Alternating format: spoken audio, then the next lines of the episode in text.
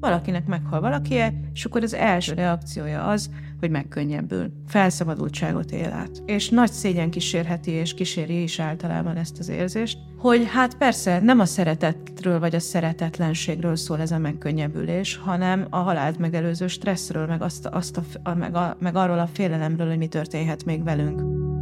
Teljesen érthető a félelem, nem igen van halálközeliség félelem nélkül. Nem ez a bátorságnak vagy az önazonosságnak a fokmérője egyáltalán. Annak, aki az élete vége felé közeledik, öregsége vagy betegsége vagy is folytán, annak van egy felelőssége abban, hogy hogyan segíti a hozzátartozóit.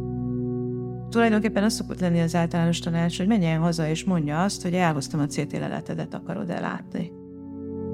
Lehet tiszteletteljesen pelenkázni valakit, és tiszteletlenül pelenkázni. Az életének az utolsó időszaka, illetve a halála az történjen úgy, hogy felismerhető legyen benne ő maga.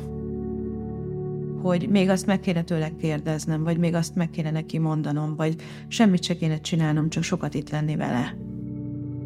Vannak olyan végakaratok, amivel vitatkozni kéne mert nem a végakarat szentségéhez, hanem akkor mondjuk a kapcsolatok konfliktusosságához kapcsolható. Minden valószínűség szerint így lesznek aztán a borzalmas örökösödési viták. Nyelvekben van arra szó, ha meghalnak a szüleid. Árva vagy. De ha elveszted a gyereked, hát nincs rá szó. Átvitt értelemben is nehéz szavakat találni a veszteségre. A gyásznál megnémulunk. Nem csak az egyén, de a társadalom is néma, ha mindezzel szembe kerül, holott mindenki érintett. Érint most, vagy érinteni fog. Simonyi Balázs vagyok, és a némaság helyett a magyar hangja leszek a témának, itt a 24.hu-n másfél tucat adáson át. A Nincs Rá Szó podcast az elkerülhetetlen, mégis szép és méltó elmúlásról mutat be megható történeteket.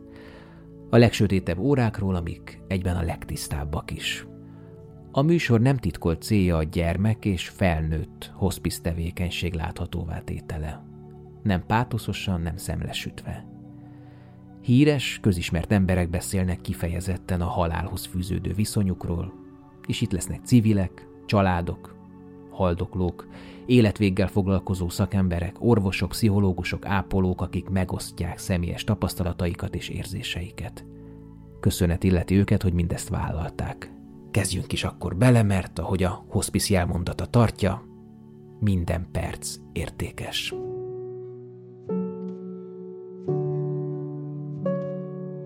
Elengedni csak azt merjük, amit vagy akit meg tudunk őrizni. De hogyan lehet megőrizni valakit, aki már meghalt, nincs benne mindennapi életünkben? Ezt mindenkinek külön kell kitalálni, ahogy azt is, hogy biztosan meg kell változtatni az életet, amelyet az illető addig élt. Hogy mit kellene tenni azért, hogy a szerette halála után az ember önmagával viszonylagos békében élhessen tovább, Bíró Eszter mondja el. Ő 2003 óta, tehát 20 éve a Magyar Hospice Alapítvány pszichológusa, rákbetegekkel és hozzátartozóikkal dolgozik a betegség és a kezelés alatt. A beteggel életének akár utolsó pillanatáig, hozzátartozójával pedig nem csak a betegség alatt, de a gyász idején is. Keresve mindazt, ami valóban értelmet és méltóságot ad az élet legnehezebb eseményeinek is. Nem csak szakmai, de privát tapasztalat alapján pontosan tudja, miről beszél, édesanyja is nemrég a budapesti hospizházban hunyt el.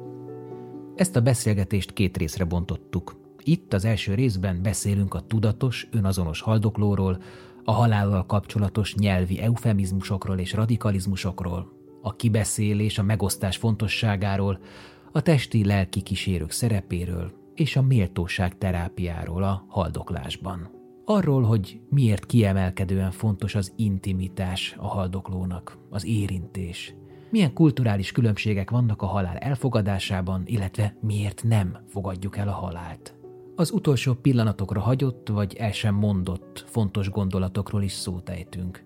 Rendezetlen emberi kapcsolatokról, megoldatlan, feloldhatatlan érzelmi viszonyokról, amik mérgezik a haldoklást. Szó lesz fájdalomcsillapításról, halálfélelemről és az itt maradók túléléséről. És a hiányról, amit az eltávozó kert, és hát ebben a műsorban adekvát módon, hogy miért fontos beszélgetni a halálról, És mégis mennyire stigmatizáló a pszichológussal való találkozás, ha a halálról beszélgetünk vele. Pedig ez egy nagy, fontos lépés ahhoz, hogy a halál és minden, ami azzal összefügg, egyszerre kimondható, kibeszélhető és megszelidíthető legyen. Még ha ez elsőre riasztónak is hangzik. Épp ezért is jelentetett meg Bíró Eszter 2020-ban beszélgető könyvet Bérces Tiborral közösen, a Halál életkérdés címen. Az adásban közreműködik Kovács Patrícia színésznő. A hospice pszichológusaként, ú, de jó beszédgyakorlat lenne ez a hospice pszichológusa. Szóval a hospice pszichológusaként te élsz a humor eszközével? Semmiképp se kezdeményezem, mert mag, önmagán nevethet valaki, de, és ahhoz is óvatosan és tapintattal lehet csak, vagy szabad csak kapcsolódni. Viccelődés által érzelmileg eltávolítja az adott helyzetet, de én nem vicceskedhetek azon, hogy ő neki milyen baja van. És találkoztál önironiára hajlamos beteggel? Igen, igen, ez nagyon gyakori. Gyakori? Gyakori. Tényleg? Gyakori. Valószínűleg azért, azért lehet ez, szerintem, mert ez nem azt jelenti, hogy tényleg ilyen gyak, gyakori az önirónia, vagy gyakori az, hogy valaki megküzdési módként a humort a saját nagyon komoly bajaiban, vagy hozzátartozója komoly bajaiban a humort, mint megküzdési módot, vagy a nevetést, vagy a viccet, iróniát megküzdési módként használja, de viszont az elképzelhető, hogy aki ilyen intellektuális csavarra képes és fogékony, és ez neki otthonos, az nagyobb eséllyel kér pszichológus segítséget más egyéb intellektuális és érzelmi csavarokra nyitottan ez lehet. Tehát hmm. jogilag egyaránt egyforma eséllyel kérhetnek pszichológus segítséget a betegeink, jogilag és belső szabály szerint, de azért nyilvános a belső attitűd szerint nyilván nem teljesen egyforma az esély. És olyan beteggel találkoztál, akivel leültél beszélgetni, akár mert ő kérte, vagy mivel ez talán szinte egy kötelező kör is itt, hogy legalább egy nyitó beszélgetés legyen vele, aki nagyon tudatos volt, és, és úgy ítélted meg, hogy önazonos, felkészült, hogy ezt már ő el tudta magával rendezni. Ez viszonylag ritka, mert a, a félelem érthető módon nagy, szenvedéstől, elsősorban amikor az emberek a haláltól félnek, akkor elsősorban a testi szenvedéstől félnek, és a családtagokra háruló terhektől. Meg hát nyilván nagyon sokféle variációja van annak, hogy, hogy a halálfélelem az mit jelent, tehát teljesen érthető a félelem. Nem igen van halálközeliség félelem nélkül, előfordul, de nem feltétlenül. Ez, ez nem, nem, nem ez a bátorságnak, vagy az önazonosságnak a fokmérője egyáltalán.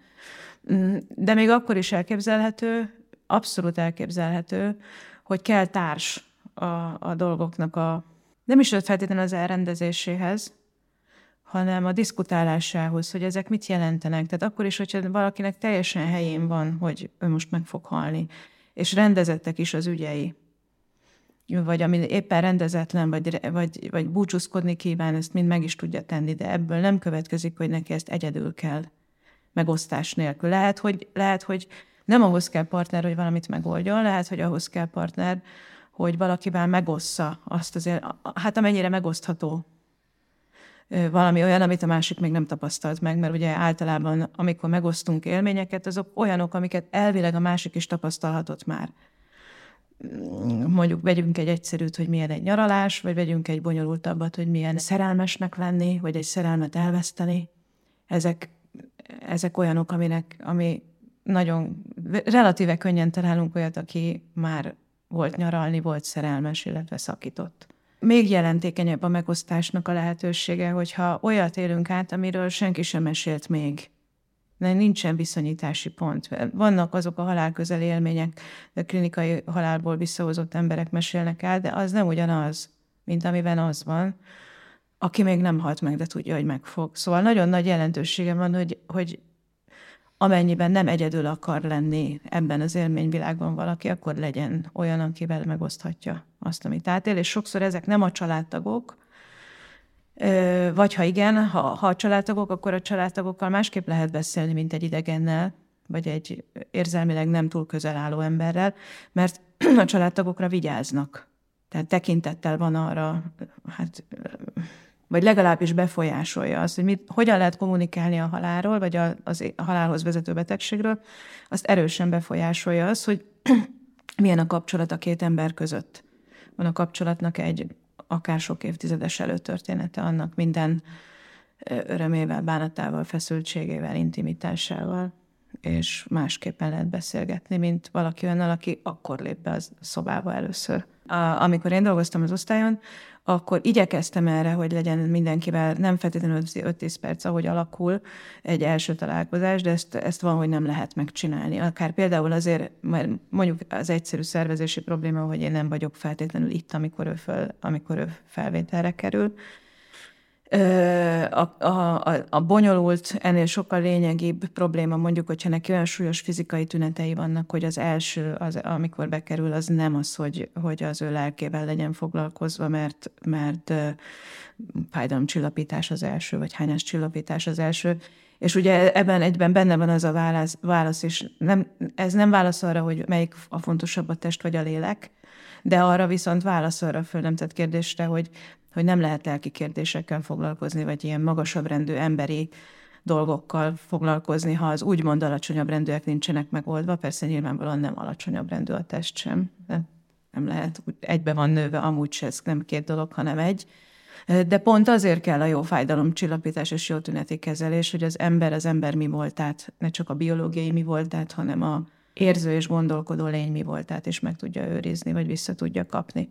A megosztást említetted, ezt a szót szerintem nagyon devalválta a korszellem. Tehát most már minden ja, de hát a Facebookra gondoljuk. Igen, igen, csak azért, tehát, hogy, hogy ugye, mindent kiraknak, tehát mindent ki. És ezt pedig pont, hogy ö, hajlamosak az emberek rejteni, ö, eltagadni, ö, magukban tartani, és ö, ahhoz, hogy ezt meg tud osztani haldoklóként, nyilvánvalóan kellenek olyan ö, fogóckodók, olyan emberek, akik ebben segítenek neked. Sok mindenkit nevezhetünk kísérőnek, egyébként így a hétköznapi szóhasználatunkban meg senkit se nevezünk annak, de nevezhetnénk kísérőnek azt, aki mondjuk az orvost, aki a tüneteket figyelemmel kíséri, és, és a tünetek változását nyomon követve változtat, vagy, vagy fenntartja, attól függően, hogy kell-e változtatni, vagy változtat a tüneti kezelésen, vagy fenntartja, ami korábban volt és akkor is odafigyel a betegre, hogyha a beteg már, már vagy átmenetileg, vagy véglegesen nincsen abban az állapotban, hogy be tudjon számolni arról, hogy hogy érzi magát. Nevezhetjük kísérőnek a családtagokat, akik részt vesznek a gondozásban, nevezhetjük kísérőnek a, a, a pszichológust, aki már amennyiben van a betegnek, beteg mellett pszichológus, mert ez nyilván szabadon választott, nem feltétlenül van rá szükség. Nevezhetjük kísérőnek az ő vallása szerinti lelkészt, papot. Annak, hogy ne legyen egyedül egy, egy beteg, hogy ne érezze magát egyedül, de nevezzük inkább embernek, tehát a embernek, aki beteg.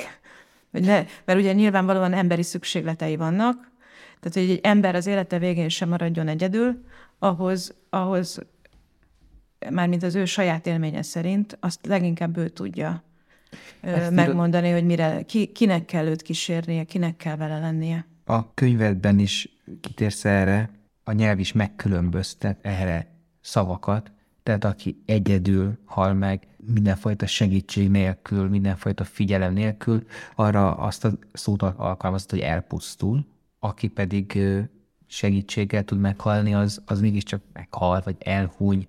Tehát ugye ennek vannak ö, ö, nyelvileg is distinkciói. Sehol máshol nem hallottam emberről úgy beszélni, hogy elpusztul, mint a, haláltáborokban elpusztult emberekről, vagy a munkaszolgálatban, vagy a málenki robotban pusztulnak el emberek. Mindenhol máshol meghalnak emberek, még a csatatéren is inkább meghalnak, mint elpusztulnak, kivéve a donkanyart, ahol elpusztulnak még ott is ebben az összefüggésben is lehet hallani, hogy a, hogy a bár lehet, hogy ott se, ott abban a kontextusban a donkanyar. Hát biztos nem elhunynak. Nem, el, nem el, elhunynak, és nem is az elhunyás az az ágyban párnák közt. Igen. A meghalás az, az egy ilyen és neutrálisabb, a, és igen. az elpusztul, az a teljes. Az el, elpusztulás az valójában dehumanizált. Tehát, hogy feltételezzük, hogy már igazából, mint emberi lény hamarabb elpusztult, mint hogy meghalt volna fizikailag. Tehát, hogy tulajdonképpen nem is, nem, nem is az individuális, hanem a csoportos halálnak a helyzeteire szokták ezt mondani, vagy hát még tulajdonképpen az individuális halára is, ha olyan, olyan helyen következett az be, és olyan körülmények között, ahol arctalanok azok, akik meghalnak. Hát ez egy ilyen dezantropomorfikus a... szó, tehát, tehát a, a legkedvesebb kutyánkra is azt mondjuk, hogy elpusztul. És, és mégis szeretettel mondjuk. Emberre nem mondjuk. Igen, de az ember, ember mégiscsak, tehát egyébként nem biztos, hogy a kutyára azt mondjuk, hogy elpusztul. Én, Azért én simán mondanám, még akkor is, hogyha nagyon szeretném. Lehet, de azzal nincsen semmi baj, de azt nem mondhatjuk, hogy anyánk elpusztult. Kivéve, hogyha nem az anyánkról van szó, hanem a nagymamáról, dédpapáról, aki Auschwitzban pusztult el. Uh-huh nem mi dehumanizáljuk, hanem az dehumanizálta, vagy az a szisztéma dehumanizálta, amely elvette az ő azonosít, azonosíthatóságát, individualitását, megszámozta nevét, elvette vagyonát, elvette életkörülményeit, elvette. És pont, pont a, a, a humanizált, vagy a humán körülmények között megtartott halálnak pont ez a sajátossága, hogy abba segítsük a beteget, akár hospice nevezzük ezt, akár bármi másnak, nem a hospice belőle a lényeg, bár a hospice egy ilyen intézmény és egy ilyen mozgalom, ami, a, ami abban segíti a, az embert, hogy a saját individualitását, méltóságát meg tudja tartani egészen addig, ameddig él. És, a, és az életének az utolsó időszaka, illetve a halála az történjen úgy, hogy felismerhető legyen benne ő maga. Ez számodra a méltóság definíciója? Hát az egyik definíciója, mert nyilván lehetne egy olyan méltóság definíció is, amiben nincs benne a halál, mert mondjuk létezik méltóságot, létezhetne, és létezik is méltóságot őrző nőgyógyászati ellátás, meg létezik is olyan nőgyógyászati ellátás, ami a nőknek a méltóságát nem őrzi meg. Uh-huh. Tehát, hogy ez nem a, nem a halálról szól, hanem arról szól, hogy, hogy, hogy egy embert, téged vagy engem, mint individumot tiszteletben tartanak-e érzéseik, érzésekkel, igényekkel, gondolatokkal, értékrendel, ilyesmi. Most nyilván egy, egy nőgyógyászati vagy urológiai vizsgálaton nem kérdezik ki az értékrendelet, de hogy, hogy mondjuk lemeztelenítenek-e jobban, mint amennyi a vizsgálathoz szükséges, hogy szépen beszélnek-e, vagy nem szépen, hogy elfordulnak-e tőled, vagy odafordulnak hozzád, hogy kapsz-e magyarázatot, vagy nem kapsz magyarázatot arra, ami történik meg a vizsgálati eredményekről. Ez egy méltósággal, emberi méltósággal szorosan összefüggő dolog, és egyáltalán nem arról szól. Nyilván van egy specifikuma az élet, annak, hogy az élet végén hogyan őrizhető meg a méltóság, de ez nem egy életvégi kérdés. Kosztolány jutott eszembe a halotti beszéde, hogy de fény, de hő, és talán úgy zárja utolsó pár verszakban van az, hogy ugye, hogy, hogy, hogy, hogy egy. Tehát, hogy, hogy megismételhetetlen és egy. Igen, erről van szó. Igen, igen, igen. De hát ugye ennek akkor különleges jelentőségét érezzük akkor, ha valaki meghal, de semmivel se kisebb a jelentősége, attól, hogy nem érezzük annyira, akkor, amikor a gyerekünket óvodába visszük, és hogy hogyan bánunk mi vele, hogyan bánnak ott vele. Szóval, hogy bármilyen életkorban és élethelyzetben pont ugyanennyire kérdés, csak nem mindig figyelünk annyira. Említetted a testet és a lelket. Egy kicsit azt tegyük tisztába, hogy te pszichológusként, emberként milyen megközelítéssel rendelkez. Ugye van, aki tagadja a lélek létezését, hogy csak a test van, és az agynak a ilyen-olyan tevékenységei hoznak létre valamilyen gondolatformákat, de az nem a lélek, akkor van a test és a lélek, a kétdimenziós szemlélet, akkor a háromdimenziósban még a szellemet is beleveszik, ami a léleknek valami finom rezdülés, finom csúcsa, és akkor van a negyedik, az ugye, amiben még bevezetik ezt a pneuma fogalmát, ezt a magas lélek fogalmát. Mit gondolsz te erről? hogyan közelíted meg? Ha nagyon egyszerűen és őszintén válaszolok erre a kérdésre, vagy ezekre a kérdésre, akkor azt mondom, hogy nem tudom. Egyáltalán nem tudom. De nem azért nem tudom, mert én ezt hasznosnak tartom. Egyáltalán nem tartom hasznosnak. Én nagyon szeretném tudni, hogy ez hogy is van. Biztos nem fogom tudni. Amit nem tudok, és nem is akarok kétségbe vonni, azt az élményt, hogy a test meg a lélek nagyon szorosan összefügg. Most az lehet, hogy persze mondhatjuk, hogy hozzátehetjük, hogy ezen a világon mondjuk, vagy nem tudom, tehát hozzátehetünk olyan mondatokat, ami ennek a mondatnak az érvényességét korlátozza, és mondjuk valamilyen filozófia vagy vallásgondolat menetével vagy gondolatvilágával kom- kompatibilissá teszi, uh-huh. de akkor is az, a, a, amit pszichológusként meg lehet tapasztalni, az az, hogy nagyon-nagyon szorosan összefüggenek a testi meg a lelki funkciók oda-vissza, annyira szorosan, még az se, nem szeretem azt a mondatot, mert azt a gondolatot se szeretem, hogy minden fejben dől el. Ezt én nem gondolom, nem, nem gondolom. Egyfelől nagyon örülök, hogy nem minden fejben dől el, mert ez... Hol dől el szívben? Te... Nem tudom, hogy hol dől el, tehát nyilván... Génben? Hol így, hol úgy, uh-huh. így, így, úgy, uh-huh. nem tudom, hogy hol, minden, hol, hol dőlnek el a dolgok, de abban biztos vagyok, hogy a testnek is megvannak a saját törvényszerűségei. Nem úgy van, hogyha nem tudom, ezt, ezt vagy azt erősen akarjuk majd a testtel kapcsolatban, akkor eldöntöttük fejben, és bevonzunk egy megoldást. Lehet mondani, hogy de kár, mert hogy kisebb a kontrollunk, mint amekkorát szeretnénk, de mondhatjuk azt is, hogy de jó, hogy nem vagyunk mindenért felelősek, hogy csak egy határ van, ameddig felelni tudunk azért, hogy egészségesek vagyunk-e, vagy betegek. Persze ezt nem lenne jó mentségként használni, hogy akkor minden nyugodtan csinálhatunk bármit, mert úgy semmi vagyunk a felelősek, mert úgy semmi döntjük el, ez se igaz. Szóval nagyon szorosan összefüggenek a testi meg a lelki funkciók. Gyönyörű, ahogyan összefüggenek valójában. Mondasz egy példát? Például most, most éppen ma is, meg máskor is szoktam beszélgetni arról emberekkel, betegekkel is, meg a hozzátartozóikkal is, gyászolókkal is, már nem mindegyikükkel, hanem ahol fölmerül annak a szükségessége, hogy, hogy konzultáljanak az állapotukat, illetően pszichiáterrel, hogy esetleg nem szükséges-e valami olyan gyógyszert szedniük, ami a hangulatukat javítja, szorongásukat csökkent, és a többi nem kell minden lehangoltság mellé egy antidepresszáns, vagy egy pszichiáter, pszichiáter és antidepresszáns, nem kell minden szorongás mellé sem ugyanez, ez nyilvánvaló.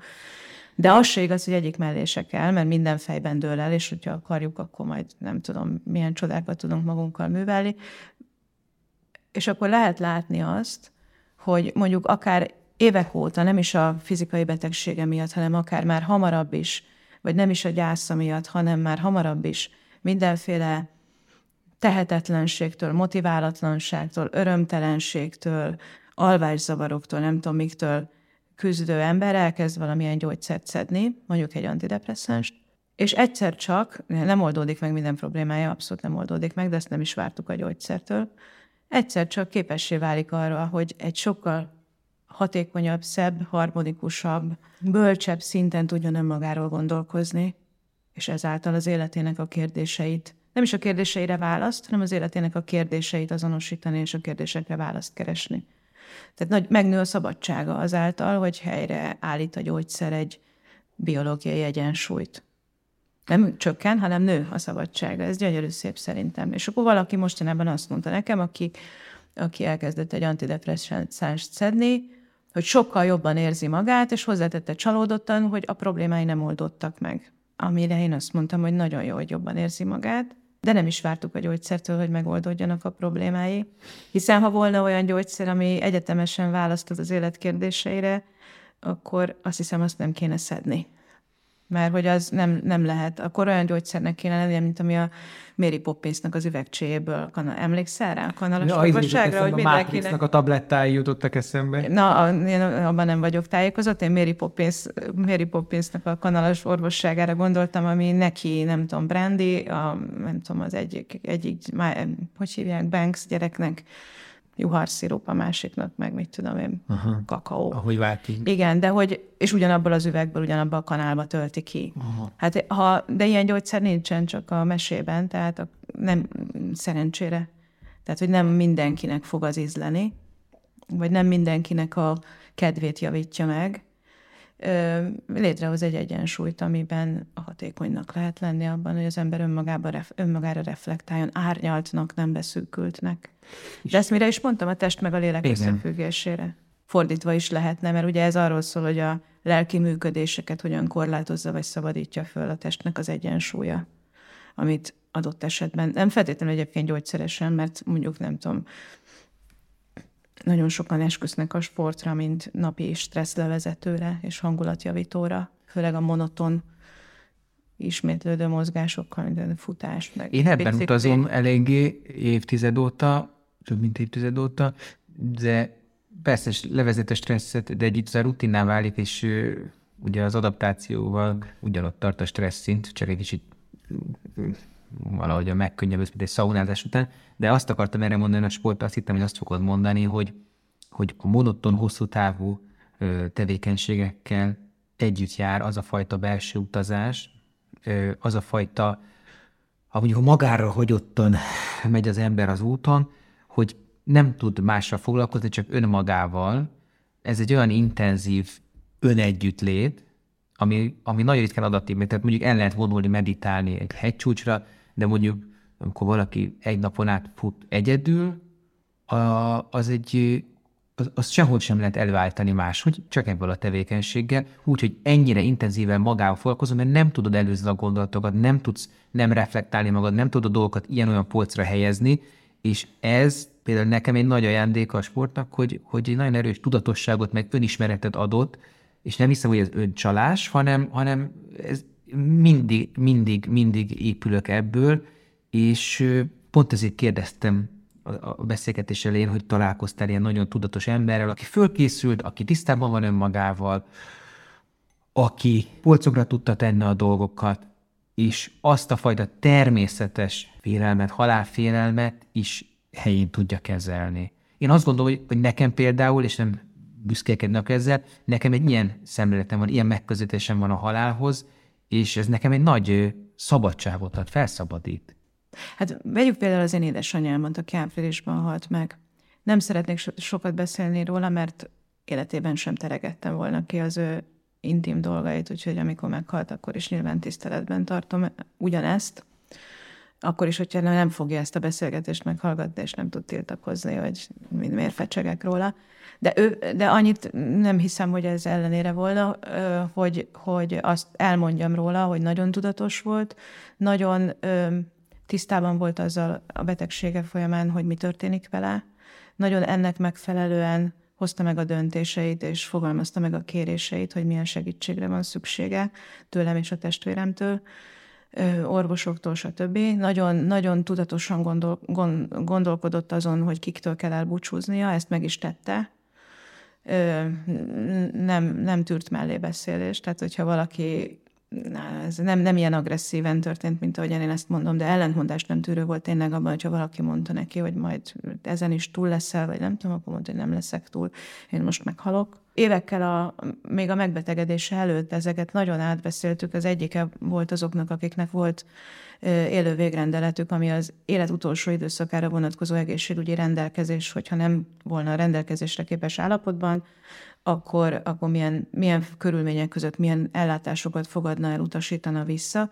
Ezt a jogi iratot, ez egy közjegyző hitelesíti, és erre mindenkinek lehetősége van. Tehát nem elég mondani, vagy elmondani a párodnak. De tulajdonképpen elég, azért elég, mert hogy hogy az egészségügyi törvényben benne van az is, hogy ha nem vagyok rendelkezésre képes állapotban, és nincsen nekem egy ilyen jogi iratom, akkor ki az, aki rendelkezhet helyettem. Föl van sorolva sorrend. Most én ezt nem vagyok benne biztos, hogy... Hierarchikusan? Úgy, mint az öröklésnek a rendje. Ott is megvan, hogy hogy, hogy kinek ki, a, ki az, aki örököl, ha, uh-huh. ha olyan hozzátartozó nincs, akkor Értem. ki örököl, stb. stb. Itt is van egy ilyen rend. Uh-huh. Azt hiszem, az élen a házastársal, élettársal, aztán a gyermek, nem tudom. Tehát ebben ő kapja a kontrollt. Igen, de, de hogy ez, ez nem csak egy jogi kérdés, hanem egy tudatosságbéli kérdés is, mert hiába adom át a gyerekemnek a, a, a kontrollt, azzal mondjuk, hogy kifejezetten leírom, hogy őt bízom meg, vagy azzal, hogy nem írok le semmit, és ő az, aki ha nem készítem föl a gyereket. Hogyha nem tudja, hogy én mit akarok. Hát igen. Vagy ha nem bírja lelkileg. Tehát, hogy, hogy ezzel nem, nincsen beljebb senki sem, kivéve a jog, de azzal nem vagyunk emberileg beljebb, hogyha illetve de természetesen az, hogy van egy jogrendszer, amihez igazodhatunk, meg megszeghetjük, meg nem tudom, ez, ezzel beljebb vagyunk, mert azonos keretek között mozgunk. De, de egy csomó minden nincsen ezzel megoldva, és édesanyánk nagyon nagyon-nagyon sokat beszélgettünk ezekről. Ő megfogalmazott valamit, akkor megmutatta nekünk, akkor arról megint beszélgettünk, kérdéseket tettünk föl. Bocsánat, hogy megakasztalak, de az, hogy te azért évtizedek óta itt dolgozol, és ezzel foglalkozod, ez mennyire hatott anyukádra? Nem tudom, nehéz megmondani, hogy mi lett volna, hogyha nem tudom, valami tök más területen dolgozom, de biztos, hogy az édesapánk halála hozzájárult ehhez a folyamathoz azáltal, hogy, hogy reflektáltunk arra, hogy mi történt akkor, és hogy mennyi, mi volt az, ami, amit, ö, amiben több tudatosság vagy több előzetes beszélgetés segíthetett volna. A nagy általánosságban az a lényeg, hogy nem voltunk egészen tisztában, és nem voltunk azonos platformon abban, hogy mi volna az adott helyzetben az optimális, mi volna az ő kívánsága, miben kellene segíteni. De az édesapámnak alála végül is rendben volt. De volt a, a végül is előtt, volt egy nagyon bizonytalan időszak, amikor nem voltunk mi családtagok azonos platformon, és nem volt világos, hogy mivel segíthetjük őt. Leginkább mi volna az ő kívánsága, hosszan kellett erről beszélgetnünk, egy feszült és érzelmileg terhes és időben nagyon korlátos időszakban, amikor az ő állapotának a romlása adta a határidőt, hogy cselekedni kell és dönteni kell, és ez nagyon nehéz volt. És, és nem is értettünk mindenben egyet, mert nem, minden, nem, nem egyformán ítéltük meg, az ő véleményet nem lehetett megkérdezni, és amikor lehetett volna, akkor azt a lehetőséget kihagytuk, és ezt nem akartuk így ismételni anyánkkal. Arra már nem tudok visszaemlékezni, hogy ez hogyan kezdődött el egy néhány évvel apánk halála után, hogy anyánkkal beszélgettünk erről, ki kezdeményezte, nem tudom felidézni, de tulajdonképpen mindegy. Hát vélhetőleg ő, mert azért mégis az, jobban el lehet képzelni konkrétan és általánosságban is más emberrel is, hogy valaki, aki azt mondja, hogy hát most már elég öreg vagyok ahhoz, hogy végesnek tekinthetem, végesebbnek tekinthetem az életemet, mint korábban. Beszéljünk arról, hogyha nagyon megbetegednék, meghalnék, akkor mi lenne. Ezt jobban el lehet képzelni, mint azt, hogy na, anyám, most már végesebb az életed, mint, mint ahogy korábban gondoltuk, beszélgessünk már arról, hogy mi lesz, ha meghalsz. Tehát ezt az utóbbit, ezt nehéz elképzelni, úgyhogy ez maradjon szeretetteljes, tapintatós, méltóságot őrző. Ugye ezzel egyben azt is mondom, hogy hogy, a, hogy a, annak, aki az élete vége felé közeledik, öregsége vagy betegsége vagy is folytán, annak van egy felelőssége abban, hogy hogyan segíti a hozzátartozóit. Szerintem el lehet jutni oda, hogy tök oké, okay, tehát például anyánk eljutott oda, de ez nem jelenti azt, hogy nem kell segítség, mert abszolút kell. És nem csak, nem csak biológiai, egészségügyi segítség kell, hanem attól relatíve független lelkiekben beszélgetni arról, hogy mitől fél, mit remél, mit akar, mire vágyik, mire emlékszik vissza, mit idéz fel, aminek nincsen köze, vagy közvetlen köze nincsen ahhoz, hogy milyen a fizikai állapot. És nagyon is van szükség lelki segítségre, a, a testi ellátásba csomagolva, hogy az olyan legyen, hogy jól lehessen elfogadni. Lehet tiszteletteljesen pelenkázni valakit, és tiszteletlenül pelenkázni. Van egy példa a könyvedben, és ez nagyon szép, megható hogy az érintés mennyire fontos. Igen. És hogy nem azért kéri egy beteg feltétlenül, hogy most fordíts oldalra, mert ő tényleg oldalra szeretne fordítani, hanem egyszerűen csak vágyik arra, hogy valaki hozzáérjen, finoman, empatikusan, és az neki elég, és nem mondja ezt így ki, mert Igen. nehéz ezt kimondani. Igen. És ebbe csomagolja, hogy fordíts oldalra. Vagy pedig nagyon gyakori azt lehet tudni a, a, gyógytornászunktól is, hogy mennyi intim beszélgetés származik abból, ahogyan a gyógytornász tornáztatja a beteget, mert ez tekintettel arra, hogy rossz állapotúak a betegeink, gyöngék fizikailag, uh-huh. ezért ez sokszor nem aktív gyógytorna, hogy a beteg csinál aktívan valamit, hogy, hanem, ő, hanem sokszor ez passzív mozgatás. Uh-huh. Tehát nagyon sok érintés van benne, még annál is több, mint a gyógytorna általában szokott lenni. Hát abban is van egy csomó érintés, ahogy a gyógytornász igazgatja a mozdulatokat, testrészeket, testtartást, testmozgást de itt még annál is több a, a testi érintés, és nagyon sokszor ez a, a testi érintések,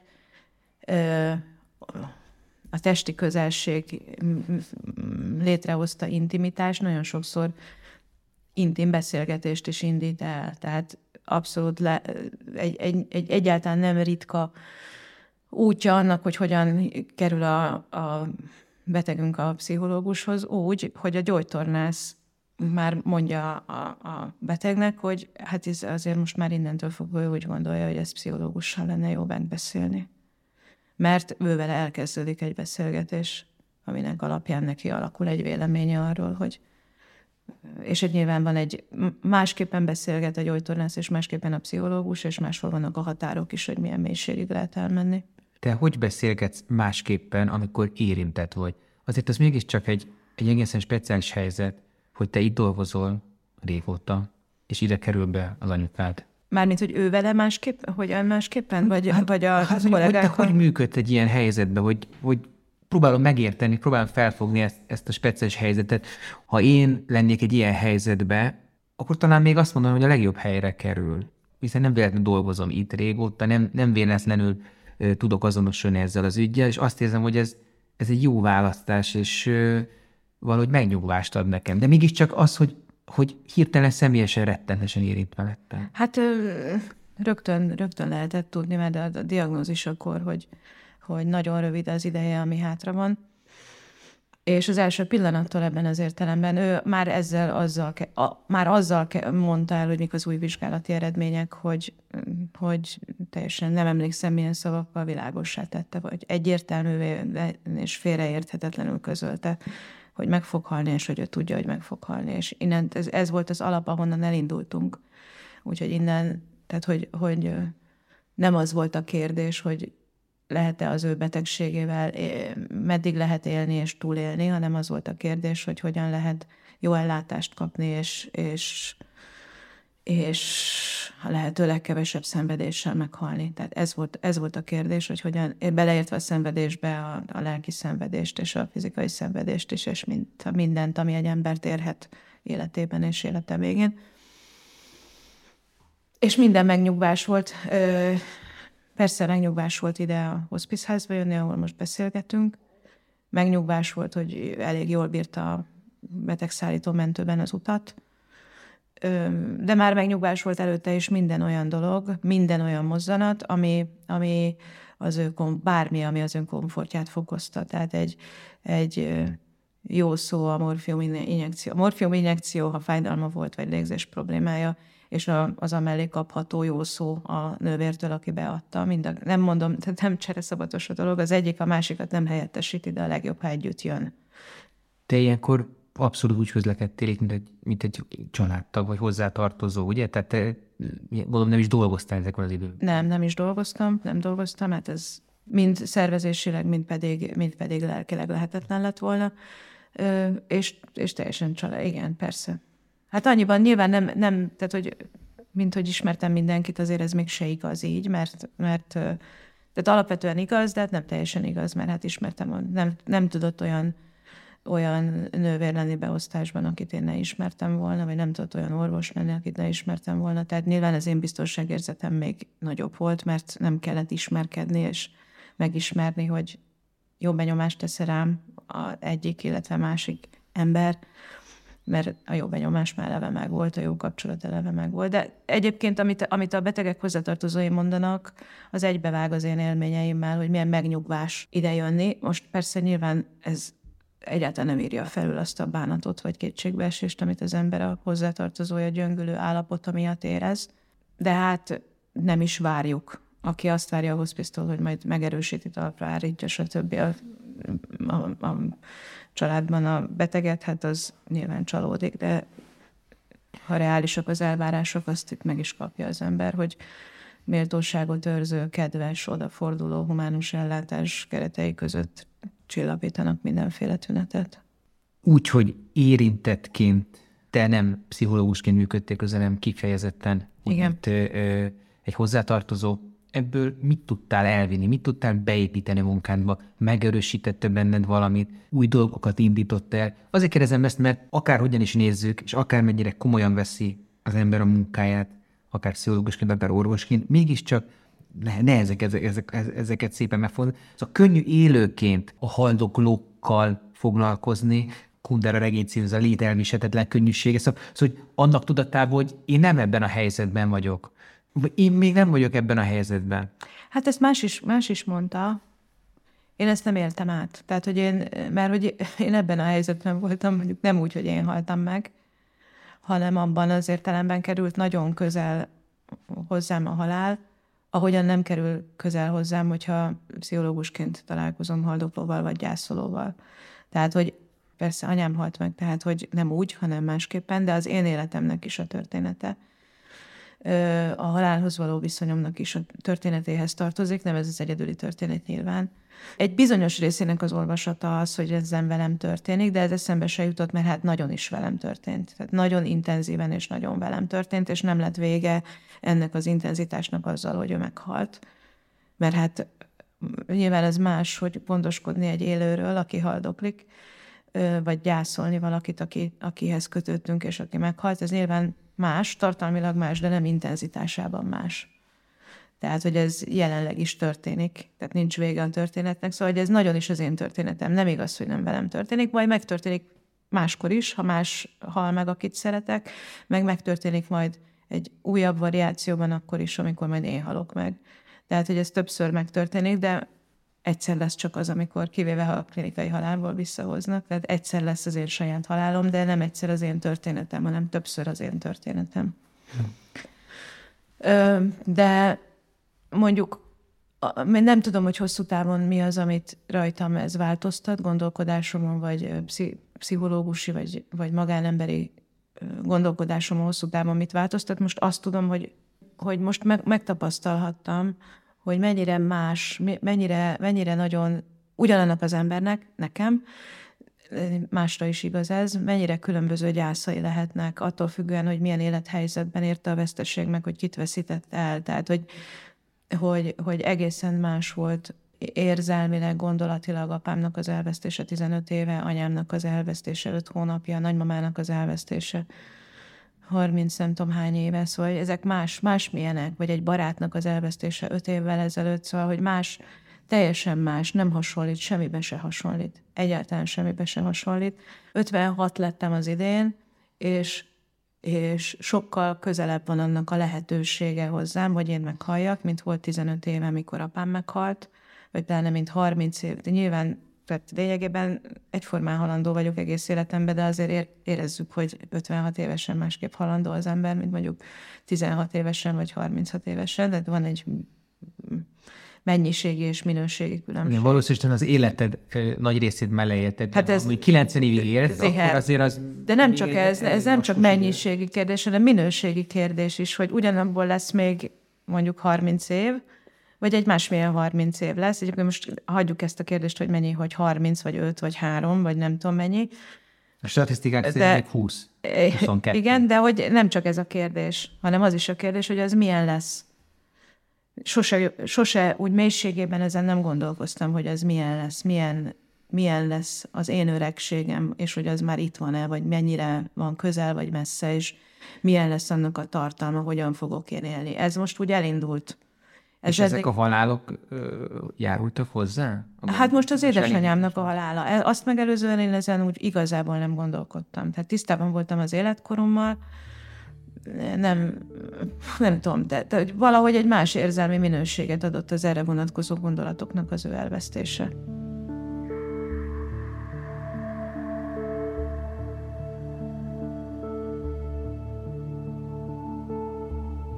Én gyászom, te gyászod, mi gyászunk. Én naponta többször beszélek róla barátaimmal. Te azt mondod, inkább magadban rendezed le. Mostanában naplót írsz. Én a miértekre keresem a választ, te a hogyan továbbukra. Én elkezdtem hordani a kedvenc csekéjét. Te már az összes holmiát elajándékoztat volna a máltaiaknak. Én még nem tudtam kinyitni a fényképalbumokat. Te minden nap beszélsz a sublótra kirakott képéhez, az utolsóhoz, ami róla készült. Én hetente járok a temetőbe, csak hogy sírjak egy kicsit. Te azt mondod, még halottak napján se akarsz majd elmenni a sírjához, inkább otthon gyújtasz neki egy gyertyát, és iszol egyet a tiszteletére a kedvenc söréből. Én mióta megtörtént nem kapcsolok zenét, még a kocsiban sem. Te folyton a kedvenc számait hallgatod. Én azt kérdezem, mi lesz, ha egyszer elfelejtem a vonásait, a nevetését, de azt, hogy mi van, ha ez a fájdalom már sosem múlik el. Most olyan lehetetlennek tűnik, hogyan lesz tovább, olyan hihetetlennek, hogy van értelme, ugye? Hogy az idő majd mindent begyógyít, és hogy majd lesz jobb is. Hogy ez az iszonyatos bőrönd, aminek a súly alatt minden nap majd megszakadunk, aminek a füle már sebesre törte a kezünket, egyszer kisebb és könnyebb lesz belesimul a mindennapjainkba. Olykor szinte észrevétlenül lesz velünk. de most nincs más, mint túlélni. És talán remélni. Többi meg majd jön a maga idejében. Kanjo Nada írását Kovács Patrícia mondta el. Egy idézeted nagyon tetszett, és ezt szeretném elmondani, mert passzol. A hiány mindenképpen fájni fog, de az, hogy addig mi történik a beteggel és a hozzátartozóval, amíg ez a hiány bekövetkezik, vagy milyen emlékek, üzenetek maradnak meg később a szerettek számára, egyáltalán nem független attól, hogy mi történik a beteg életének utolsó időszakában. Ez az utolsó időszak egy rettetes időnyomás is. Igen. Mit kell csinálni egy ilyen időnyomás alatt, mit nem kell csinálni, jó-e várni valamire, vagy cselekedni kell, túl sokat teszünk, hogyha aktívak vagyunk, vagy ugye sokszor van ez az önvád, bűntudat a hozzátartozó, hogy túl keveset tettek. Ezt, vagy akár szinte szó szerint, vagy szó szerint ezt, vagy ennek, ennek a kérdésnek a rokonait olyan sokszor teszik fel hozzátartozók, és olyan nagyon nem lehet rá válaszolni, szóval Egyébként de lehet. De nem úgy, hogy ő megkérdezi, én meg megmondom, de úgy se, hogy megkérdezi az orvost, és akkor majd az orvos megmondja, mert bizonyos dolgokra lehet válaszolni. Mondjuk, ha megkérdezi az orvost, hogy erőltessük el, hogy megegye a rántott csirkét, akkor minden valószínűség szerint az orvos azt fogja válaszolni, hogy a világért se. Egy-egy falat jól esik, örüljünk neki ha nem, akkor adjuk neki valami mást, ami jól tud esni. Annak az öröme, hogy... Mármint az itteni orvos. Az itteni orvos, Jó, igen, értem. igen, igen, igen. És vannak hasonlóképpen, vannak olyan, olyan dolgok, amiket mm, pszichológus megválaszolhat eléggé egyértelműen, hogy nem tudom, mondjuk-e meg az unokának, hogy a nagymama beteg, és hogy nagyon beteg, ez elég egyszerű rá válaszolni, hogy persze, hogy mondjuk meg. Nyilván akkor következik a kérdés, hogy hogyan, az már nem olyan egyszerű megválaszolni, mert mert nem, attól, hogy mondjuk tudjuk egy gyerekről, hogy hány éves, mondjuk, és kie fog meghalni hamarosan, abból nem következik az, hogy meg tudjuk mondani, hogy milyen a, mi, mi legyen a, a, a mondásnak, vagy a beszélgetésnek a módja. De és akkor mondjuk, tehát, vala, tehát az a elhallgatás az mi? Az, biztos, az hogy, bizt, hát nem biztos, tehát annál vannak, vannak borzasztóbb közlések. Tehát, ja, hogy, jó, hogy, özvegy kovácsni? Kb. igen, tehát hogy azért vannak, vannak, tehát hogy nem minden közlés nagy általánosságban én is azt gondolom, hogy bármilyen közlés jobb a semmilyennél, de azért és ezek azok, amiket nem szívesen idéznék, hogy miket hallottam már, hogy azért van rosszabb közlés a hallgatásnál is. De egyet idézzél. Mondjuk hogy... egy részvétnyilvánítás egy fiatal özvegynek, szerintem ez egy özvegy férfinak, azt hiszem lehet, hogy a könyvben is benne van, mondták, hogy hogy egy fiatal vagy? Ne, ne búsuljon, maga olyan rendes ember lesz másik felesége. Ami ennél jobb lett volna nem nyilvánítani részvételt szerintem. Tehát, hogy ez borzasztó. Nem azért nevetek rajta, mert vicces, hanem mert olyan képtelenül borzalmas. Tapintatlan. Igen, de, de, de, de nem eléggé valószínűleg tartom, hogy valójában, tehát hogy nem kell feltételezni, nem is, nem is azt ismertem, akinek mondták, de nem ismertem, aki mondta. És, de nincs ok, en, en, ennek a mondatnak az ismeretében önmagában nincs ok feltételezni, hogy egy érzéketlen és tapintatlan rideg ember mondta. Lehet, hogy nem egy más kultúrájú. Nem, még azt, se, még azt se tudjuk. Még azt se tudjuk. Azt semmit se tudhatunk. Még az is elképzelhető, sokféle magyarázat van rá. Én a legvalószínűbbnek, a tapasztalataim alapján a legvalószínűbbnek azt tartom, hogy egy tehetetlenre rémült ember mondta, akinek nem jutott az eszébe jobb, mert a történet, most nem mondom el, hogy pontosan mi volt. Valamit kellett mondani. Valamit kell mondani. Van, tehát az megözvegy, ennek a megözvegyülésnek van egy különlegesen szomorú története, nagyon egyedi, tehát nem fogom elmesélni. Mindenkiben, nem csak ebben a beszélőben, másokban is van egy, egy elemi és nehezen leküzdhető késztetés arra, hogy csináljunk valamit, oldjuk meg, legalább vigasztaljunk, mondjunk valami jót, valami pozitívat, gondoljunk, legalább gondoljunk valami pozitívra, vonzunk be valami pozitívat. És nehéz belenyugodni, hogy vannak olyan élethelyzetek, amiben nem tudjuk megoldani, most szívesen felsorolnám, hogy minden, nem, amit az előbb felsoroltam, hogy nem tudjuk megoldani, nem tudjuk megvigasztalni, nem tudunk jóra gondolni, nem tudunk jó megoldást, vagy valami pozitív fordulatot bevonzani, nem tudunk semmit se csinálni, együtt érezni tudunk a másikkal. De ennek nem mindig vannak jó szavai, tehát mit lehet mondani valakinek, aki, akinek meghalt a fiatal felesége, és árván maradt az apró kisgyerek.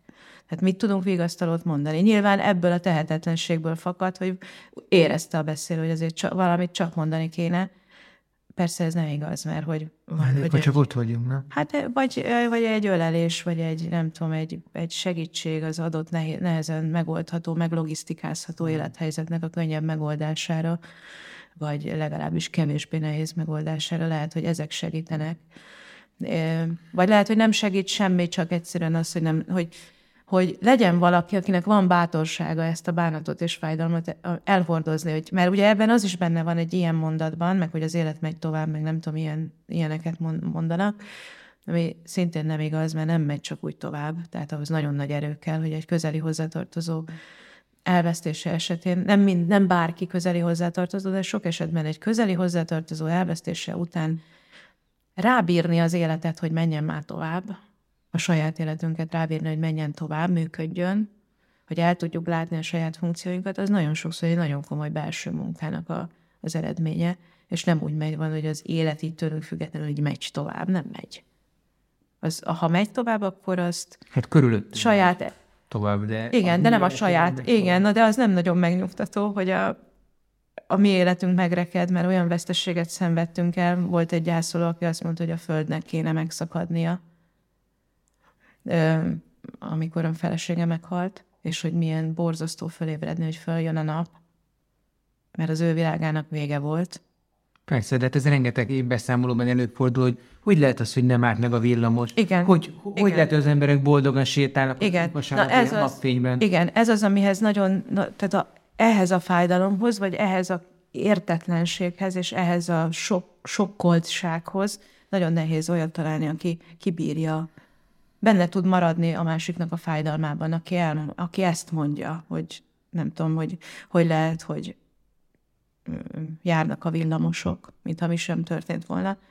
És erre, ugye okosat nem tudunk erre mondani. Az nem, az nem jó mondás, hogy hát nézd, kedves Lajosom, az élet megy tovább. Ez nem jó mondás erre. Mert pont ez, hogy ez nyilvánvalóan pont, ha ezt válaszoljuk, akkor pont elszalasztottuk azt, hogy megértsük, vagy hogy, leg, vagy hogy kifejezzük a megértést, hogy értjük, hogy a villamosnak tényleg nem volna szabad járnia. Hát ez a klasszikus, ugye nincsenek szavaink, ahogy Na, ez, nagy igen. író mondta, és akkor meg se kell szólalni, de én például a saját életemből emlékszem arra, hogy én azért tudok és szeretek nyíltan beszélni a halálok kapcsolatos dolgokról, nem szeretem sem tabusítani, sem pedig rejtegetni, artikulálni kell szerintem, és emlékszem arra, amikor velem közölték apám halálhírét, ugye telefonáltam. Láttam a párom szemén, hogy mi van, mi van, tehát egy ilyen metakommunikációs gesztus tett, és ugye meghalt, nem, ezt nem, nem, nem lehetett közölni így, hiszen beszéltek hozzám a telefonba, és egy ilyen reflexzerű mozdulat jött, és ezt mutattam. Nem, nem, nem tudtam hirtelen, és szerintem nincs is más mozdulatunk arra, hogy valaki meghal, hogy elhúztam a torkom Aha. előtt az ujjamat. Aha. És ezt azóta olyan primitív dolognak, és egy, egy, ilyen, egy ilyen rettetes bumfordi gesztusnak tartom, de mit tudtam volna csinálni be a helyzetbe? Megvárni, még leteszi, és akkor közli. Igen, de hirtelen jött egy kérdés, és hirtelen nekem ki kellett ezt adnom magamból. És mhm. egyszerűen oda, oda jutottam, hogy nincsenek szavaink, de mozdulatom sem volt erre. Hát ahhoz is kell egy intimitás például a hozzátartozó irányába, a beteg irányába is, de most nem arról beszélünk, hogy ne kelljen olyan nagyon megválogatni a szavakat, meg a, meg a mozdulatokat. Tehát például ez is egy válasz arra, hogy ha valaki tök oké okay a saját élete végével, helyre tette a dolgokat, elrendezte, szembenézett, stb., kellene neki támogatás és segítség. És abszolút kell, mert hogy az nem lehet, hogy te ne tehessél olyan, amikor a te apádról, a te, te vesztességedről, a te gyászodról van szó, az nem lehet, hogy te ne, tegyél, ne tehessél legalább nyilván bárhol bármilyen mozdulatot nyilván nem tehetsz soha. Te, te se, és én se, és senki sem, mert hogy, hogy, hogy hát mert ezt nem lehet. Szóval, hogy bármit szabad átélni, de nem mindent viselkedhetünk bárhol, bármikor le. Hogy nem tudom, van-e ilyen kifejezés, hogy leviselkedni, de legyen, szeretném, hogy legyen, mert szükség van rá. Kimondtad, van, kommunikáció létrejött.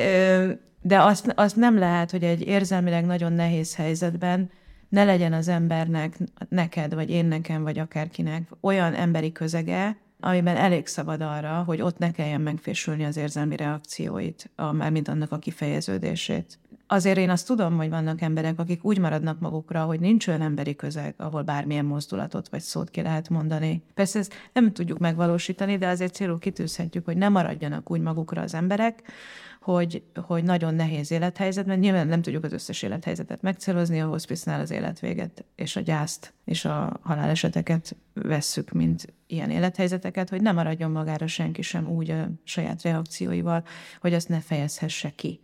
Hogy otrombának érezze, hogy, hogy hidegnek, vagy mit tudom én, milyennek, ilyennek, olyannak, elítélendőnek kéne éreznie önmagát azért, mert hogy pont úgy reagál, ahogy. Tényleg vannak meglepő reakciók, és sokszor az ember önmagát lepi meg, mint ahogy van valószínűleg te meglepted önmagadat ezzel a gesztussal, de sokszor az ember negatív értelemben is meglepi önmagát valamilyen reakciójával, és kell, hogy legyen hozzá valamilyen jó elfogadó közeg, ahol...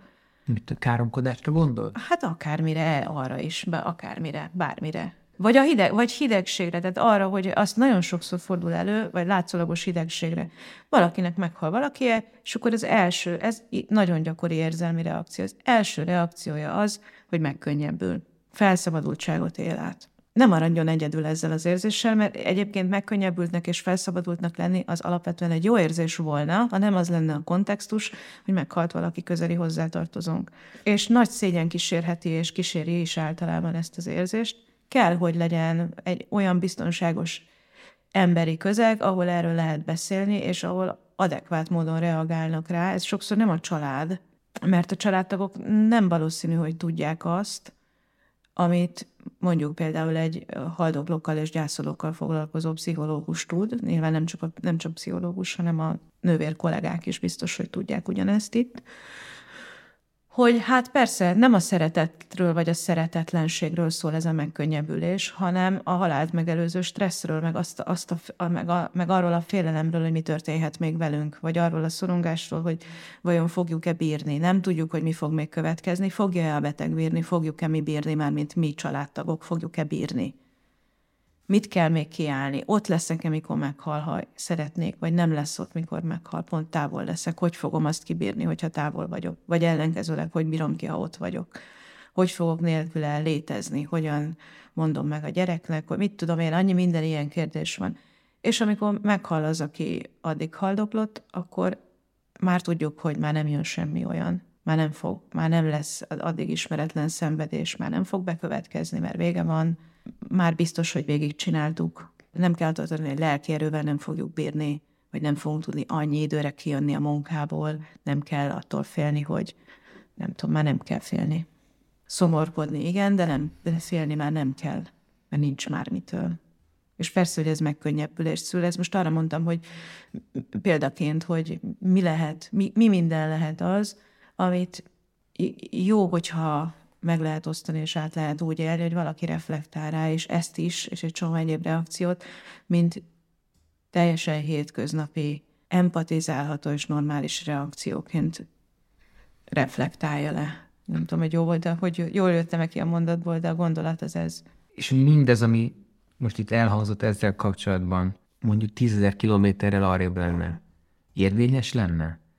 Nem az van, hogy ezek a mi nyugati nyugati, közép-kelet-európai, de mondjuk vegyük úgy, a nyugati európai kultúránknak a... De biztos, biztos, hogy ez erősen kultúra függő. Biztos. Egy buddhista közegben, egy buddhista országban még csak szomorúságot sem éreznek, vagy ez egy természetes emberi reakció, hanem az élet része a halál. Hallottam azt is, hogy szerzetesek egymásnak jó halált így köszönnek. Nem tudom, hogy milyen az, az élmény belülről, maga, maga az átélés, úgy értem az élményt, azt nem tudom. De biztos vagyok benne, hogy ez az egész erősen kultúra függő. Ha úgy beszélnék angolul, mint magyarul, ami meg messze nem igaz, akkor sem mehetnék el idegen országba pszichológusnak. Mert még ha az az idegen ország, az mondjuk Ausztria, ami itt van egy köpésre, és az épületek, mondjuk Bécs, az nagyon hasonlít Budapestre, vagy Budapest Bécsre, és kicsi a távolság, akkor is egészen biztos, hogy már ez a kicsi távolság is egész biztos, hogy más kultúra, más asszociációs környezet, mást, más jut az, e, más a, a, az élményvilág, amire rá lehet kapcsolódni. Tehát, hogy nem, szóval, hogy már ilyen távolságra se lehet elmenni, vagy online kell dolgozni, visz, visszadolgozni. Az én közegemben élő és ebben a gondolatvilágban, vagy. Mert ugye persze mi az, hogy ebben a gondolatvilágban, mert ez nem egy gondolatvilág, mert ugye, tehát mondjuk vallásilag is nem mondom, hogy nagyon-nagyon színes Magyarország, de azért sokkal színesebb, mint hogy mindenki pont úgy gondolkodna a vallási vagy filozófiai oldalról, mint én. De már kicsit se lehet. Szóval szerintem már a 300 kilométert nem lehet menni, mennyi, mennyi Bécs. Másik nem tudom, szóval a körülbelül annyit. Tehát már annyit se lehet csak úgy menni, hogy az ember átültesse magát, és ne érezze a kulturális különbséget, nem hogy tízezer kilométert.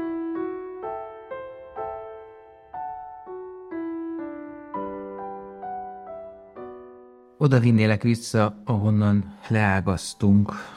Talán valahol egy privát beszélgetésünk mondtad azt, hogy, hogy legtöbb családban ez egy vadonatúj téma. Igen. Nem csak, hogy felkészülve nincsenek rá, meg szókészletük nincs rá, hanem egy olyan új helyzet, amire semmifajta receptúrájuk, eszköztáruk, tapasztalatuk nincs, emlékekből dolgoznak, ha egyáltalán. Jó, hogy, jó, hogy biz... E, volt egy érzésem, hogy valami fontosat elfelejtettünk, vagy elfelejtettem, úgyhogy jó, akkor ez volt az. Szóval, hogy mert ott onnan azért keveredtünk el, mert mondtam, hogy azért vannak bizonyos kérdések, amik elég konkrétan megválaszolhatók. De a kérdéseknek a túlnyomó többsége az olyan, hogy konkrétan nem megválaszolható, mert nagyon különbözőek az emberek. Tehát, hogy ugyanabból az üvegből, mondjuk a, a mi tudásunkból, mondjuk itt az alapítványnál fölhalmozott tudásból, ugyanabból az üvegből öntünk, és különböző ízű dolgoknak kellene a kanálba kerülnie az egyik, meg a másik, meg a harmadik családba. Tehát, hogy mindegyik családhoz, és mindegyik Sőt, nem csak, hogy mindegyik családhoz, hanem az adott családon belül mindegyik halálesethez más válasz tartozik ugyanahoz, ha ugyanez a kérdés fontos egyáltalán. Általában az szokott történni, hogyha tőlem kérdez valaki ilyet, hogy, hogy visszakérdezek, de nem azért, hogy a válaszadást elkerüljem, hanem hogy azért, hogy jussunk, és ezt meg is szoktam mondani, hogy most vissza fogok kérdezni, de nem azért, hogy a válaszadást elkerüljem, hanem azért, mert nincs egységes válasz, és beszélgessünk akkor arról. Például a, mesélj egy kicsit az apukájáról, hogy milyen ember, mert mondjuk az a kérdése az illetőnek, hogy nem tudom én, most ő, ő ment el a CT leletért, és ő, ő már látja, hogy van agyi áttét is, vagy növekedett az agyi áttét, de az apukája nem tudja.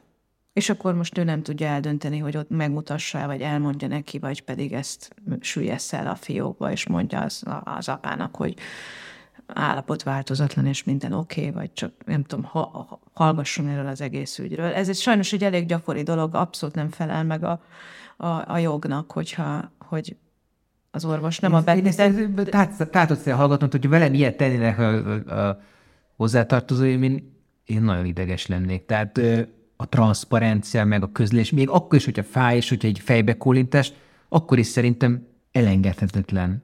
De lehet, hogy most három mondattal rám cáfolsz, és azt mondod, hogy nem, Valázs, mert vannak bizonyos helyzetek, amikor jobb, hogyha... Na de ezt, ezt nem, lehet, nem lehet erre jól válaszolni, mert hogy azért nem lehet egyértelműen válaszolni, és ezért az a válasz rá, hogy na, akkor egy kicsit beszélgessünk az apukájáról, milyen ember. Én, én is azt hiszem, hogy én tudni akarnám, hogyha nekem agyi átétem keletkezik, de mit tudom én, hogy amikor majd tényleg keletkezik agyi átétem, akkor, akkor pont tényleg ezt fogom el akarni, vagy szóval hogy ezért ez nem, egész, nem olyan, még magammal kapcsolatban sem olyan tuti biztos. Még akkor is, hogyha szilárd kialakult erkölcsöd, etikád van.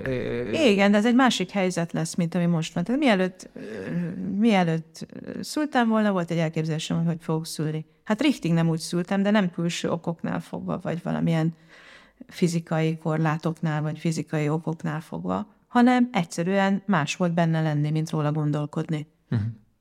Nem arra volt szükség, mint amit én elképzeltem, hogy én hogy fogok szülni.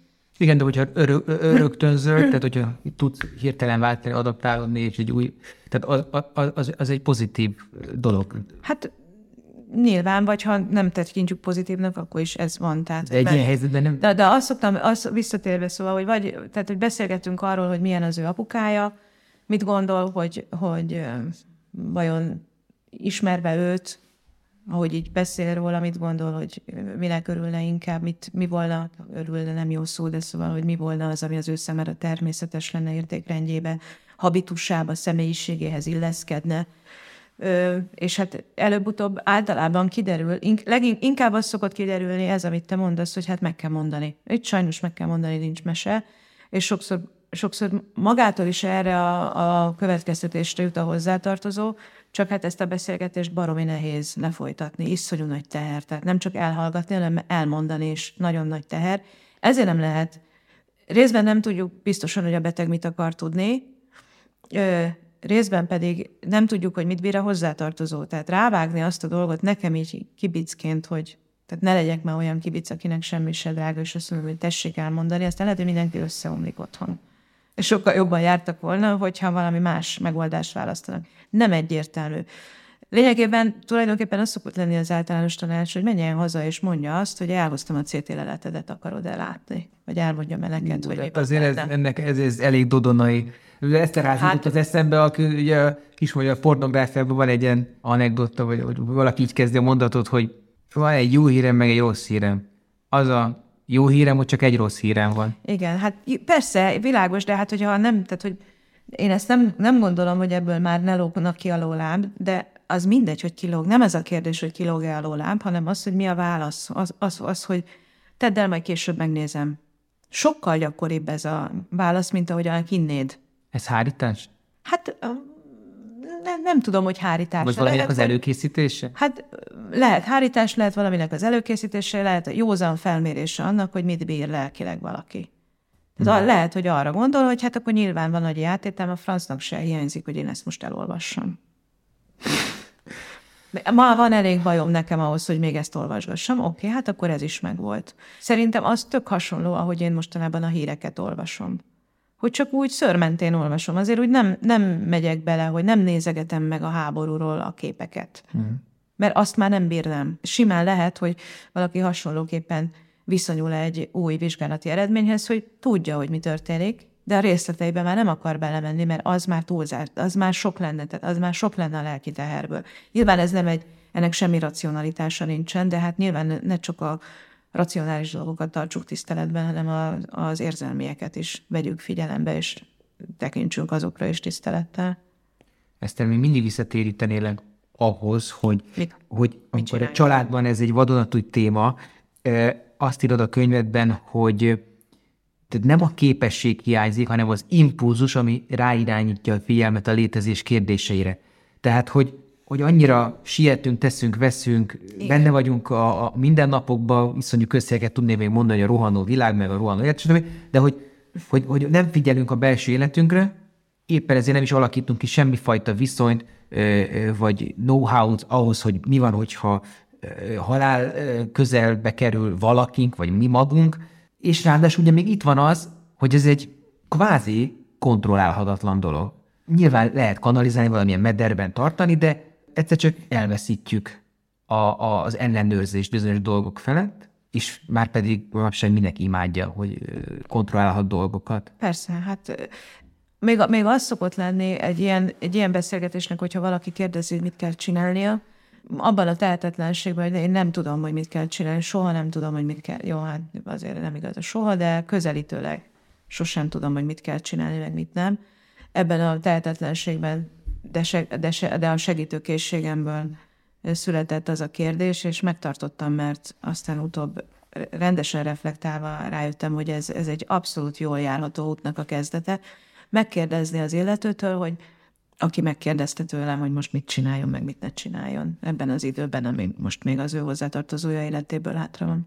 Visszakérdezek, hogy gondolkodjunk akkor azon, hogy mi az, mi az, amit, vagy hogy ő gondolkodjon, és mondja el nekem, hogy Gondoljon arra az időre, ami majd lesz egy-kettő év múlva, és hogy vagy visszagondol erre az időszakra, ami most van. Minek kellene most történnie, illetve nem történnie, illetve mit kéne ahhoz csinálnia és nem csinálnia, mondania vagy nem mondania, hogy akkor, ha nem is jókedvűen, de nyugodt lélekkel gondolhasson vissza a mostani időszakra.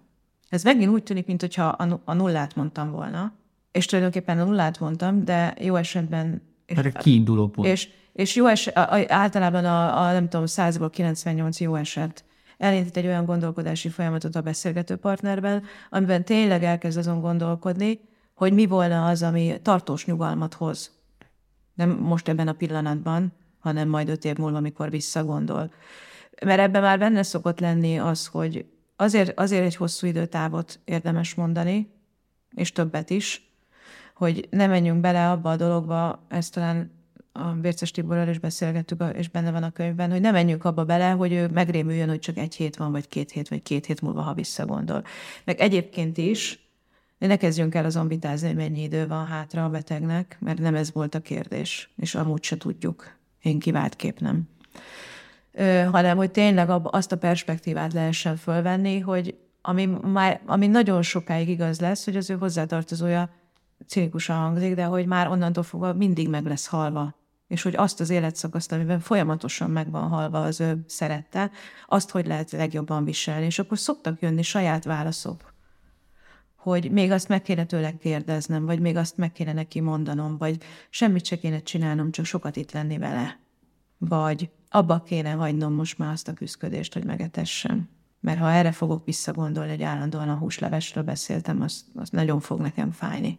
És így tovább ilyenek szoktak jönni. És akkor ez konkretizálja, mert ha nagyban nézzük, hogy mit kell tenni ebben a három hétben, általánosságban úgy nehéz megválaszolni, de ha így nézzük, konkrétan nézzük, hogy mit mondjunk, mit csináljunk, mit ne csináljunk, sokszor akár vallásos válaszok is jönnek, hogy azért a, a, a papot el kéne hívni, mert ő neki fontos volt. Az a pap, az ő vallási közösségének a papja, akivel személyes kapcsolatban is volt, el kéne hívni. És szóval, hogy ilyenek, szoktak ilyenek jönni, és ezek nagyon Egyrészt jók önmagukban, hogyha van ötlet arra, hogy mi adhat kölcsönös nyugalmat.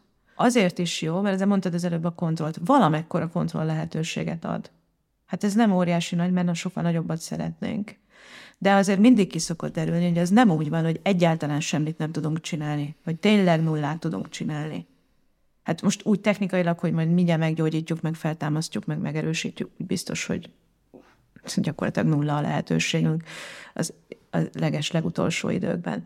De, de azt, hogy enyhülést nyújtsunk, lelki enyhülést, testi enyhülést, spirituális enyhülést, hogyha valakinek mondjuk a vallása fontos, az egyáltalán nem lehetetlen. Vagy hogy abba hagyjunk dolgokat, amik már teljesen értelmetlenek, és a együttlétnek az intimitását csorbítják. Ez, ez, ez, ez erre mindenki képes. Én az elmondottakból, amit kiemelnék, vagy legalábbis magamnak nagyon fontosnak tartom, az, hogy beszélni, amíg, amíg, amíg nyilvánvalóan képesség van a beszédre, de nem biztos, hogy mindkét fél partner ebben. Tehát az egy elementális igényként szokott felmerülni, és ahogy olvasom, gyakran csak utólag, hogy miért nem mondtam neki, miért nem kérdeztem meg ezt, miért nem fejeztem ki ezt vagy azt, ami, ami fontos lett volna vagy azért, mert nekem ez jobbá tette volna az életemet a továbbiakban, vagy hogy ő tudja, hogy én ezt gondolom, hogy, hogy békében vagy jobban menjen el. Szóval hiába van meg az egyik félben ez az igény, ha a másikban nincs erre fogadókészség vagy adási készség.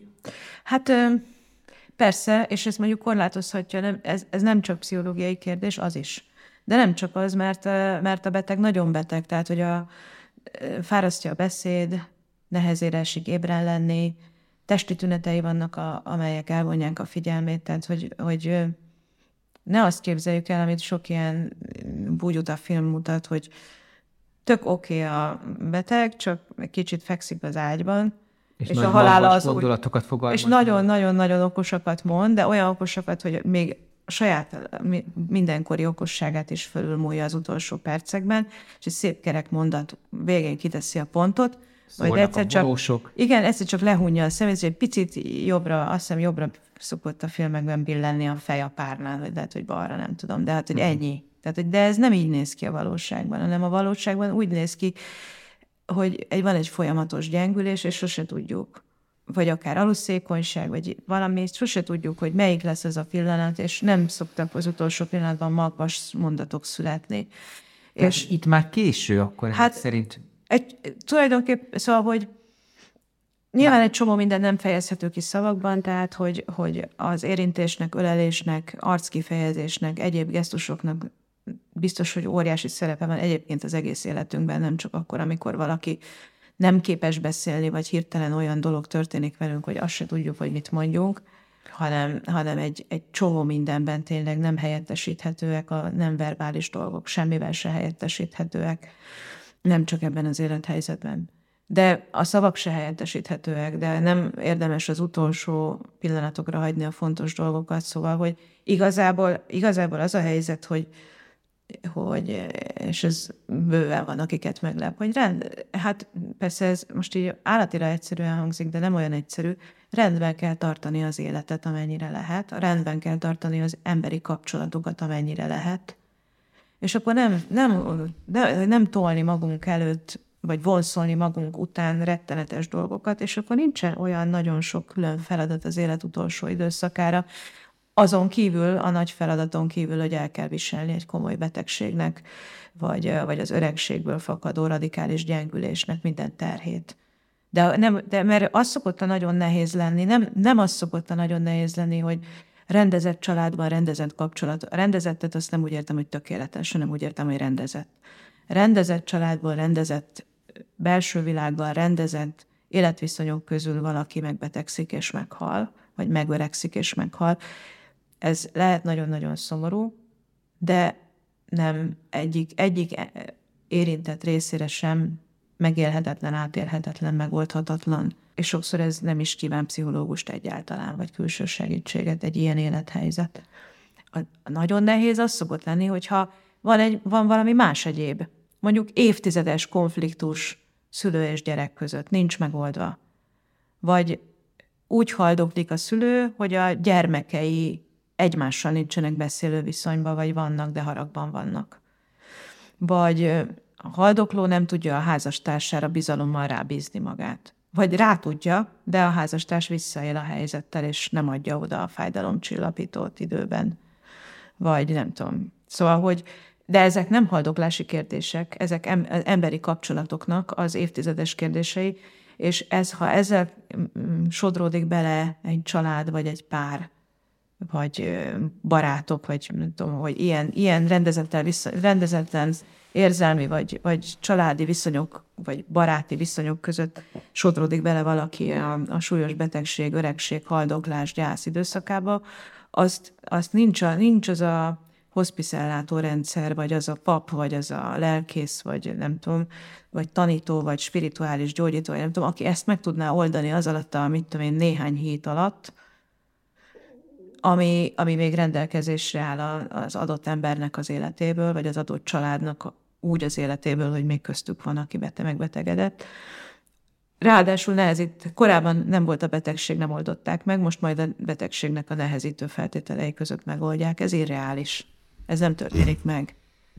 És ez nagyon komoly fájdalmat okoz, és nagyon komoly, minden valószínűség szerint így lesznek aztán a borzalmas örökösödési viták, hogy az többnyire nem a pénzről szól, a szörnyű örökösödési viták, hanem a kapcsolatokról. Igazságtalanságról, sérelmekről, és, és van... méltatlanságról. Igen. De nyilván ez mindig egy embernek az olvasata, egy másiké, meg egy más olvasat. Persze, de nem is azt akartam mondani, hogy mi az igazság, hanem hogy, hanem hogy hogy hol van az igazság, szóval, hogy... Mi az hogy, igazság? Hogy, hát, hogy ott van az igazság, mondjuk, hogy, hogy, hogy valahogy, nem tudom, hogy valaki ír egy végrendeletet, most egy konkrét családra gondolok, ír egy végrendeletet, hogy hogyan legyenek a dolgok, de elmulasztja közölni az érintettekkel, hogy neki van egy végrendelete, és abban az áll, hogy. És akkor nem az ő, és akkor az ő elhunyta után a családtagok egymással vitatkoznak, ja, és ilyen, akiket hátrányosan érint, az, az, azok elkezdik vitatni, hogy ez, ez, ez nem lehetett, ami nagypapánk, apánk, anyánk akarata, ez biztos te hamisítottad meg, mert ez lehetetlenség, és akkor el, fe, tehát, hogy felrobban, ahogyan mutatod, hogy felrobban valami, ami nyilván az, annak a családnak a kapcsolati rendszerének egy valamilyen rejtett feszültségei robbannak be, hogy mekkora volt a ki iránta, mekkora volt a bizalom. Vagy mennyire volt abban a családban szokásos megbeszélni a dolgokat, ilyet, hogy mennyire, vagy mennyire bírta fölvállalni az elhunyt az életében a konfliktusokat, mennyire gondolta, hogy neki meg kell védenie a, a, a végrendelet kedvezményezettjét, vagy mennyire nem, mennyire gondolta, hogy nem az ő dolga. És, és egy csomó ilyesmi, mit nem tudom, hogy ezek a legjobb kérdések ezzel a kap, családdal kapcsolatban, lehet, hogy mások a kérdések, de minden esetre nyilvánvalóan megoldatlanok voltak ezek a, a nem, nem az anyagi viszonyok, hanem az anyagi viszonyok mögött lévő emberi kapcsolatok nem voltak nyugvó pontra juttatva. Erre csak egy dolog jut eszembe, egy barátomnak a nagyapja levírt végrendeletet, viszont valamelyik ilyen családi összetén három gyereke volt, két ingatlana. És akkor ennyit mondott csak, majd marapodjatok. Ez volt a végrendelet, a szóbeli végrendelet. Hogy lehetett látni, hogy egy bizonyos rendelkezés az, az tulajdonképpen egy nagy beintés a hozzátartozóknak, bizonyos hozzátartozóknak. Tulajdonképpen egy aktív kitolás, hogy így és így rendelkezem, össze, össze fogtok veszni, de hát... És ezt szerinted el kéne fogadni minden esetben a halottnak az akaratát? Jó lenne, ha mindig el lehetne fogadni szerintem. Az jó lenne, hogyha olyan érzelmi és családi, érzelmi viszonyokból, családi kapcsolatokból, baráti kapcsolatokból hallna meg mindenki ezen a világon, hogy eléggé rendezettek a dolgok ahhoz, hogy azt lehessen mondani, hogy elfogadjuk, hogy ez és ez volt a végakarata. Vagy hogy mindenki annyira tiszta tudatúan és átgondoltan végrendelkezne, vagy, vagy hagyná ki a végrendelkezésének a lehetőségeit, hogy azt lehessen mondani, hogy tényleg el kell fogadni az övé. Ez egy ideális helyzet, amiben el lehet fogadni egy embernek a végakaratát. Én nem vagyok erről meggyőződve, de ez nyilván nem egy, egy pszichológiai tény, amit ne lehetne vitatni, amit most mondani fogok. Én azt gondolom, hogy vannak olyan végakaratok, aminek, amivel vitatkozni kéne mert nem a végakarat szentségéhez, hanem a, mondjuk a kapcsolatok konfliktusosságához kapcsolható. Tehát mondjuk, hogyha úgy végrendelkezik valaki, hogy, tehát a mesében is vannak ilyenek, hogy akkor kaphatja, de a valóságban is, hogy akkor kaphatod meg az örökséget, hogyha megnősülsz. De hát ezt fölfogadjuk premizálásnak, vagy bónusznak, nem? Hát attól függ. Tehát, hogyha a, ez, ez vicc. attól, attól függ, ha az örökös meleg, akkor ez nem annyira bónusz, hogyha kaphat egy feleséget is a vagy a vagyon mellé, vagy egy vagyont a feleség mellé, mert ez gyakorlatilag, tehát egyrészt ez egy élhetetlen élet, másrészt pedig egy üzenet, hogy mennyire nem volt elfogadva. Jogilag is megvan egyébként a lehetőség arra, hogy elfogadj vagy visszautasíts egy, egy örökséget.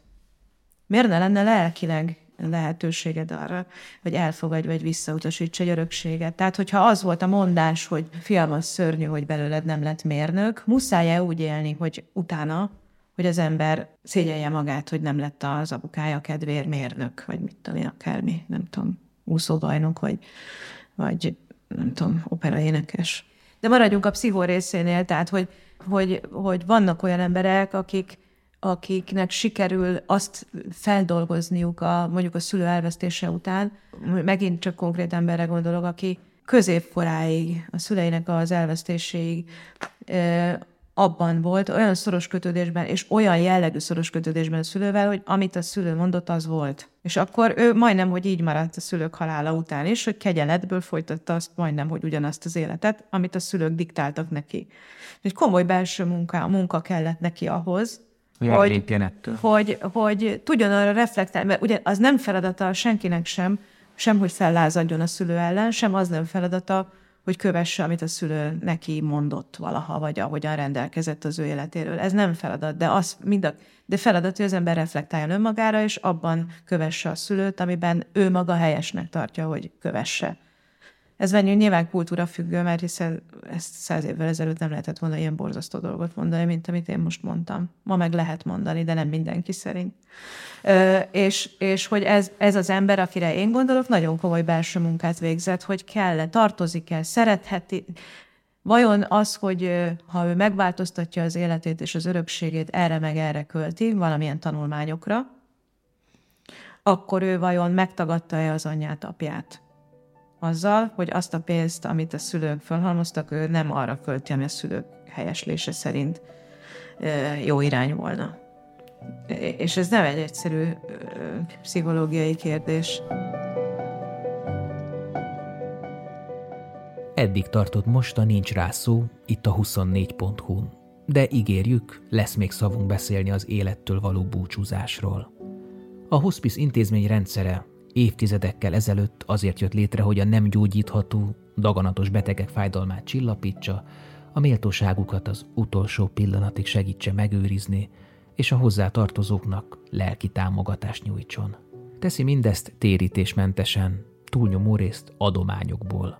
Ha megérintett az adás és segítenél akár önkéntes munkával, akár támogatással, akár egy százalékkal, akkor keresd a Magyar Hospice Alapítvány honlapját www.hospiceház.hu